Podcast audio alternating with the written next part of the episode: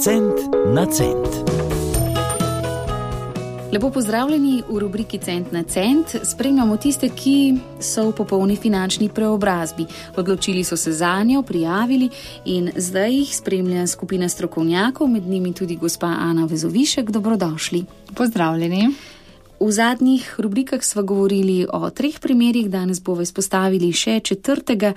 Govorili bomo o vrhunski športnici, ki je dosegla v športu veliko, tudi finančni uspeh, pa imela potem smolo s partnerjem in s financami, ker je on upravljal te finance. Ko je zveza razpadla, ni bilo treba zdraviti res srčnih ran, ampak pravzaprav globoke finančne luknje. Ja, res je, pri vrhunskih športnikih velja ne, še eno posebno rekla, pravilo ali pa ne, dejansko oni naenkrat, ko končajo svojo kariero, ostanejo res tako ne, nekje na začetku. So, uh -huh. ali pa se vrnejo uh -huh. se na začetek. Ne. To pomeni, da naenkrat so brez kakršnih koli sponzorjev, brez kakršnih koli predpor, naenkrat so samo Ana Vezovišek, recimo, ne, nobeno ime. Vsi pozabijo na te. No. In v tem primeru, recimo, je bilo zelo značilno, da je ona bila tista prinašateljica finance, takrat, ko je šlo dobro. Seveda, potem imela še dva otroka, in seveda, po, ko si imaš dva otroka, se je že zdaj pa končal športno kariero. Ne? In potem tudi finance padajo. Ampak ta primer je značilen, kako nevarno je na nek način vse zaupati enemu partnerju. Ne, ne se to tako grobo sliši, ampak povdarjam, da s financam moramo biti seznanjena oba. Drugo je o tem, kdo plačuje položnice, kdo ima ne, stvari tečes. Eno pa je, kdo načrtuje investicije, kdo se zadolžuje, kdo je tisti, ki se pri tem odloča. In v konkretnem primeru se zelo lepo vedi, kaj pomeni biti porok kaj pomeni kupiti zemljo, pri čemer sploh nimaš denarja, da bi gradil. Ne? Kaj pomeni, da sočasno s tem še daš denar in odpreš trgovino, ne? brez lastnih sredstev, brez česar koli, in kaj se zgodi, ko enkrat začne to propadati. Ne? In potem je ta pot. Uh...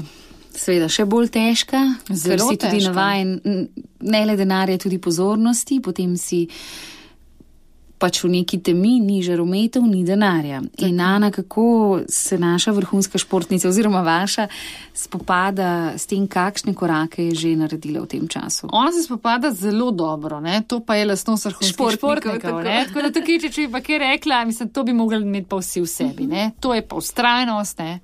Trma, tista res ta po, pozitivna. In v konkretnem primeru se ona zelo dobro sooča. To pa pomeni, stremi k temu, da si najde prihodke, kjer bo manj delala za več, ker ima konec koncev te možnosti, se pravi, gleda, kaj je tisto, v čemer je res najboljša. Um, po drugi strani pa ima tudi eno tako enostavno rešitev, pa jo bom povedala, in to je pač prodaja parcele.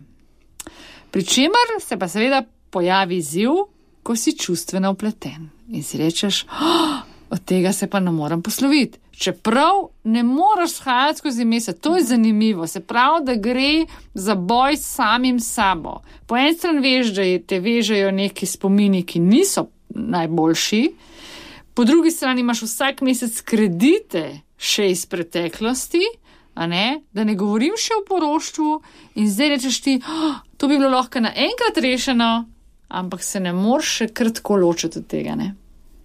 To, to je zelo pomembno, ker marsikdo ni sposoben takrat, jaz rečem, vklopiti razuma, pa izklopiti čustva.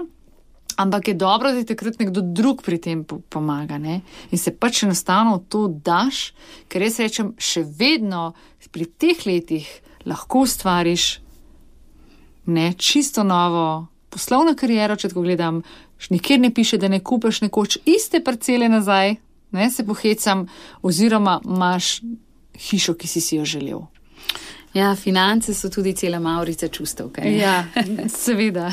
Dobro, hvala lepa, gospa Ana Vezovišek, za danes in upam, da te ustrajnosti uh, in trme ne zmanjka nikomor pri vaši preobrazbi. Ja, tudi jaz. In seveda vam. tudi vam ne, ker, ker je tudi ukvarjanje in svetovanje in potem eh, spremljanje pacev in sponov svoj vrsten napor. Ja, res je, hvala. Cent na cent.